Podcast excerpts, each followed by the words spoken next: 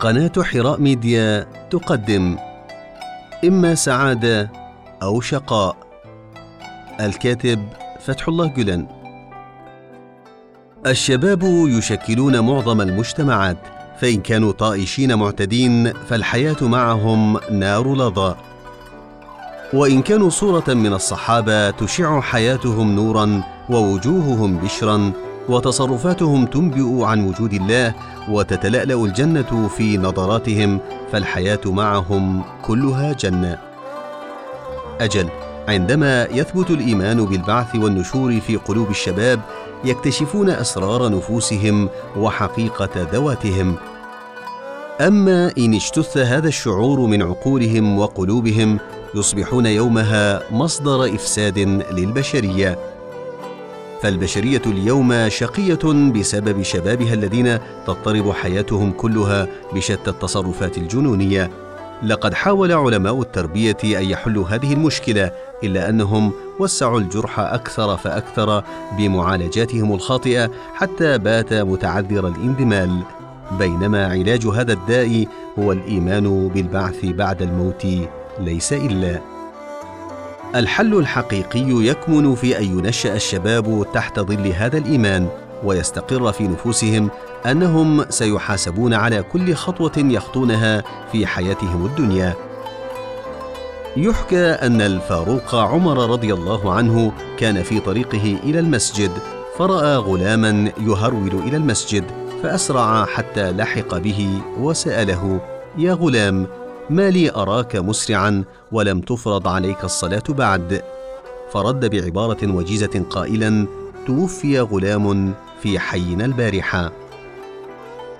الحياة لا تستقيم إلا بتنظيمها على أساس أن عينا لا تخفى عليها خافية تراقب الإنسانية وتسجل أفعالها كلها ليوم تحاسب فيه عليها.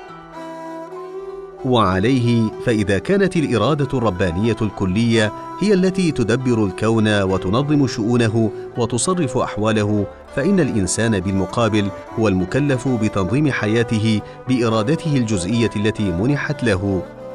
وإذا وفى هذه الإرادة حقها تجلى الله برحمانيته ورحيميته وجزاه جنة تلبي كل أشواقه الروحية ومتطلباته الجسدية. جنة فيها ما تشتهيه الأنفس وتلذ الأعين.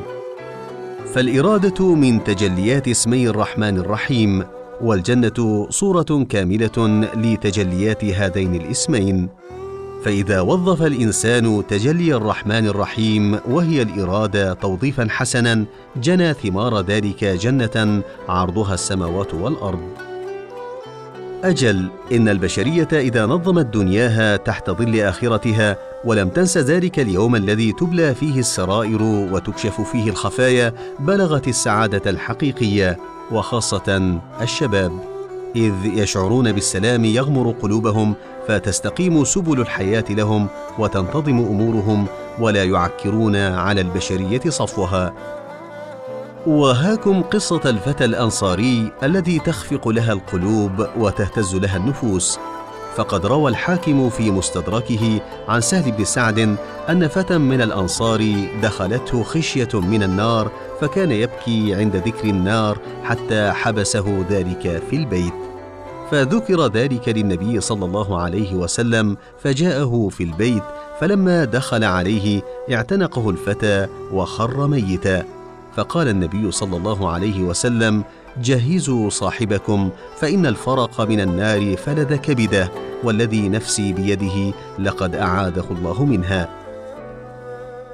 ويقول الله تعالى وأما من خاف مقام ربه ونهى النفس عن الهوى فإن الجنة هي المأوى.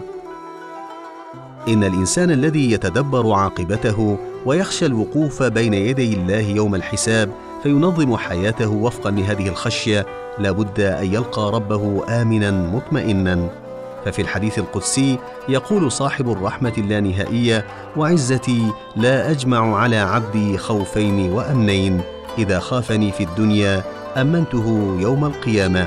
وإذا أمنني في الدنيا أخفته يوم القيامة.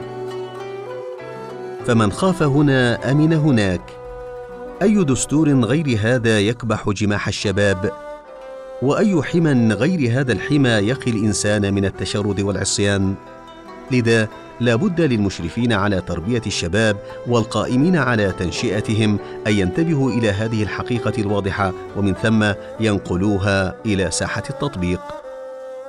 الشباب يعني كل شيء وإذا عالجنا المسألة في ضوء حكمة تنسب إلى سيدنا عمر رضي الله عنه إن القوم إذا ضاع فتيانهم فقد هلكوا والتي قالها عندما رأى شابا يزأر إزاء انتهاك حرمة يمكننا القول إن الشباب المتشبع بالقيم السامية والأفكار الرفيعة هو مصدر حياة المجتمعات. والأمة التي لديها هذا النوع من الشباب تملك من الاستعداد ما تبني به حضارات جديدة وعديدة. اذا الشباب الذي يجيش صدره بمشاعر الإيمان بالآخرة أهم عامل في تقدم الأمم ورقيها. قناة حراء ميديا قدمت لكم إما سعادة أو شقاء. الكاتب فتح الله جلن.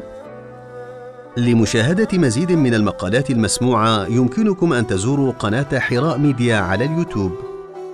للاستماع إلى مزيد من المقالات المسموعة يمكنكم أن تزوروا راديو حراء على ساوند كلاود ولقراءة هذا المقال وأمثاله من المقالات الأخرى للأستاذ فتح الله جلن يمكنكم أن تزوروا موقع الأستاذ فتح الله جلن على الإنترنت www.gulenarabic.com كما يسعدنا أن تعلقوا على هذا المقال وتقوموا بمشاركته مع أصدقائكم والإعجاب به كما لا تنسوا أن تشتركوا في قنواتنا وتنصحوا بالاشتراك فيها. ابقوا معنا. إلى اللقاء.